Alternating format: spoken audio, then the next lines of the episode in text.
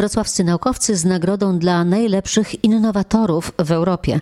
Elżbieta Osowicz, witam w radiowym oddziale ratunkowym. Dziś zapraszam na spotkanie z dr inżynier Joanną Bauer z Wydziału Podstawowych Problemów Techniki Politechniki Wrocławskiej. Jej zespół został doceniony za badania nad nanomateriałami, które mogą usprawnić diagnostykę i leczenie nowotworów piersi. Zacznijmy wobec tego od gratulacji. No jest to olbrzymi powód do dumy i przede wszystkim dalsza motywacja do dalszej pracy dla nas. To nie jest takie skomplikowane, jakby się wydawało. Po prostu my wytwarzamy takie maleńkie cząsteczki, one są naprawdę małe, jeszcze mniejsze niż komórki. Nano? Tak, nano, czyli 10 do minus 9 metra maleńkie.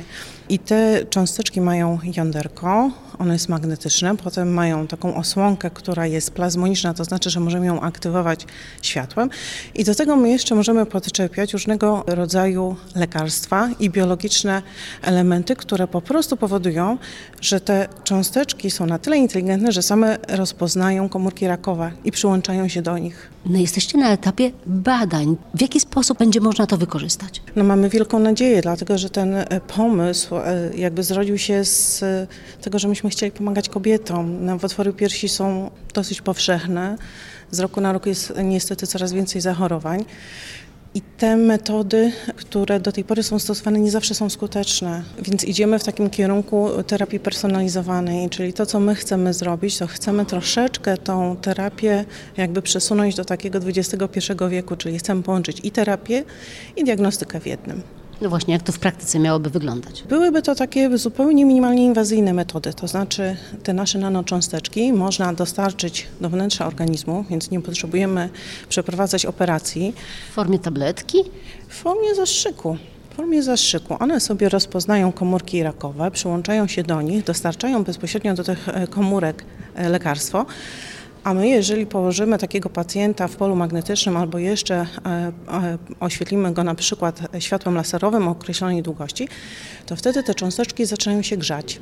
Czyli z jednej strony leczymy ten nowotwór poprzez zastosowanie odpowiednich cytostatyków, a z drugiej strony niszczymy go przez tak zwaną hipertermię, czyli no, tak mówiąc prostym językiem, po prostu go uśmiercamy przegrzewając. Z każdej możliwej strony. Dokładnie tak, na trzy sposoby. Teraz y, dostaliście nagrodę, wychodzicie z laboratorium i już możecie to badać na konkretnych pacjentkach? No jeszcze nie, to jeszcze jest troszkę daleka droga przed nami. To znaczy tak, mamy świetne wyniki, jeżeli chodzi o badania takie wstępne laboratoryjne, bo przetestowaliśmy tą technologię na myszkach laboratoryjnych.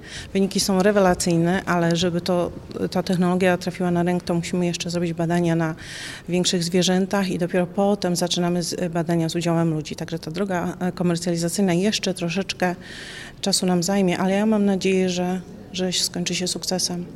Pomysł wcale nie jest taki nowy, bo w 1905 roku laureat Nagrody Nobla Paul Erich marzył już prawie 100 lat temu, ponad 100 lat temu, marzył o, on to nazywał magiczne cząstki, magic bullets marzył o takich magicznych cząsteczkach, które będą w magiczny sposób odnajdowały chore komórki i leczyły i przy okazji nie będą też powodowały zniszczenia dla komórek zdrowych.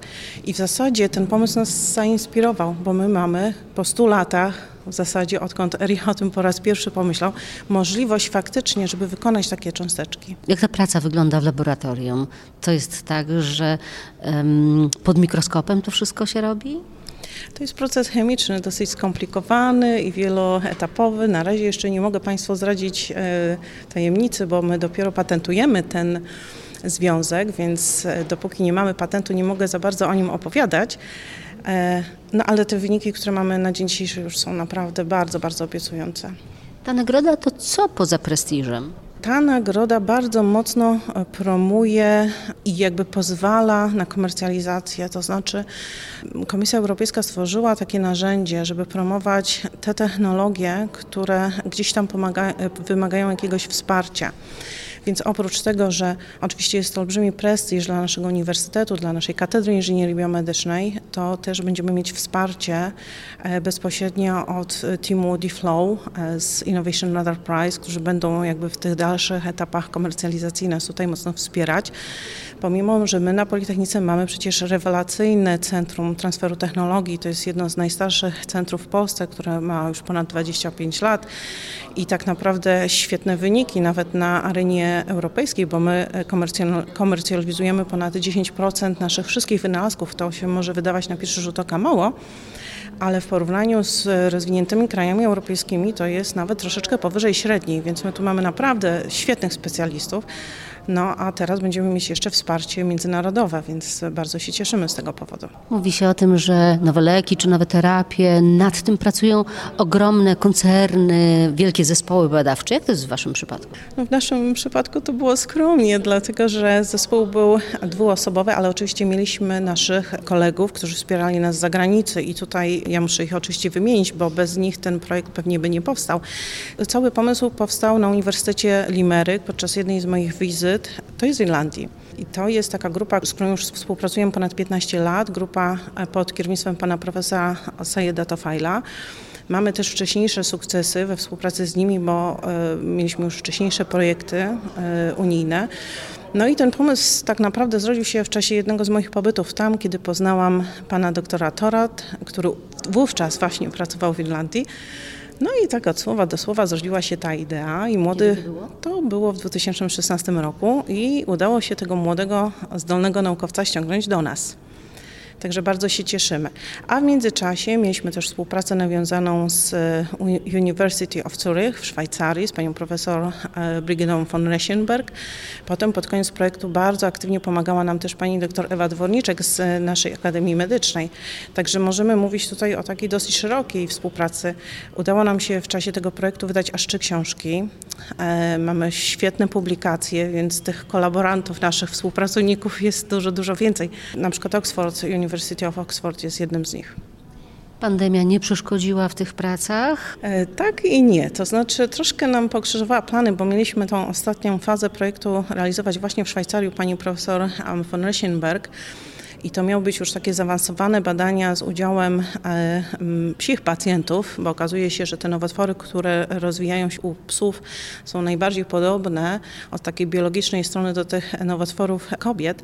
No niestety nie udało się właśnie przez pandemię, no ale tutaj pomogli nam nasi koledzy z kolei z innych ośrodków. Udało się zrobić takie badania na troszeczkę mniejszych zwierzętach, na myszkach laboratoryjnych. Te badania wyszły rewelacyjnie, więc ja mam nadzieję, że uda nam się też pozyskać sponsorów i być może może właśnie jakieś firmy, które pozwolą nam mm, ten pomysł promować i rozwijać dalej. Wokół badań medycznych często pojawia się dużo kontrowersji, zwłaszcza jeśli są używane do tego żywe zwierzęta. Wy musicie najpierw e, spowodować, że to zwierzę zachoruje, a potem je próbujecie leczyć? To tak, to, to jest trochę przykre, ale z drugiej strony no nie mamy wyjścia, bo przecież nie możemy testować tych wszystkich technologii od razu na ludziach, a, więc tak naprawdę wykorzystujemy do tego najczęściej myszki e, modyfikowane genetycznie, też inne zwierzęta przy bardziej zaawansowanych badaniach. Staramy się zawsze robić to w sposób e, jak najbardziej taki no, bezbolesny dla zwierząt, to znaczy te zwierzęta są pod specjalną opieką, one mają podawane środki przeciwbólowe, także tutaj są całe protokoły stworzone, które pozwalają po prostu zrobić te badania przy jak najmniejszej liczbie tych zwierząt i przy maksymalnej opiece dla nich. Zawsze, kiedy pojawiają się takie informacje o nowej terapii, nowym leku, to budzi ogromne nadzieje, zainteresowanie osób, które są chore i wobec których na przykład nie wynaleziono jeszcze e, lekarstwa. To, nad czym wy pracujecie, może zastąpić e, dotychczasowe metody i je poprawić skuteczność? No tak myślę. To znaczy te, w tej chwili my wiemy, że jest ponad 10 różnych typów nowotworów piersi. E, i tak naprawdę e, są to różne choroby, więc trzeba je leczyć w sposób spersonalizowany, troszeczkę indywidualny. I kiedy myśmy się przygotowywali również do tej nagrody, ale również kiedy przygotowaliśmy się do napisania tego projektu, e, patrzyliśmy na to, co w tej chwili aktualnie znajduje się na rynku. I ja byłam zdziwiona, bo ponad 70% tego rynku, jeżeli chodzi o terapię, to są metody tak zwane personalizowane. A to oznacza, że od w przeciągu ostatnich 20 20 lat, kiedy pojawiła się pierwsza publikacja na temat tego, że nowotwór piersi to nie jest tak naprawdę jednolita choroba. Wtedy w 2000 roku mm, e, tak naprawdę postulowano cztery rodzaje, potem się okazało, że ich jest ponad 10 e, to od tego czasu e, ten rynek farmakologiczny rozwinął się niesamowicie. Pojawiły się zupełnie nowe firmy, e, które właśnie specjalizują się w leczeniu poszczególnych nowotworów. Więc, e, więc tutaj mówimy o ogromnym postępie w, w przeciągu ostatnich 70 lat. Nasz pomysł jest troszeczkę inny, bo my chcemy połączyć terapię z diagnostyką i chcemy jakby jednocześnie wykorzystać kilka metod, tak, żeby ta skuteczność była jeszcze większa. To sławna już pani jest, to teraz jeszcze za chwilę będzie pani bogata. No nie tak do końca, bo ta nagroda oprócz prestiżu i sławy to tak naprawdę i- nie, nie daje finansowych korzyści. Ale ja myślę, że chyba naukowcem nie zostaje się dlatego, żeby być bogatym, tylko dlatego, że chce się pomagać ludziom i kiedy ja wybierałam swoją drogę mm, kariery, to tak naprawdę to był ten główny cel, który mi przyświecał. Ja po prostu chciałam pomagać ludziom. I jeżeli tylko ta technologia w jakiś sposób będzie mogła pomóc e, pacjentkom, ale nie tylko, bo przecież e, przypomnijmy, że na nowotwory e, piersi chorują także mężczyźni, rzadko, bo rzadko, ale również chorują, no to będę najszczęśliwsza na świecie.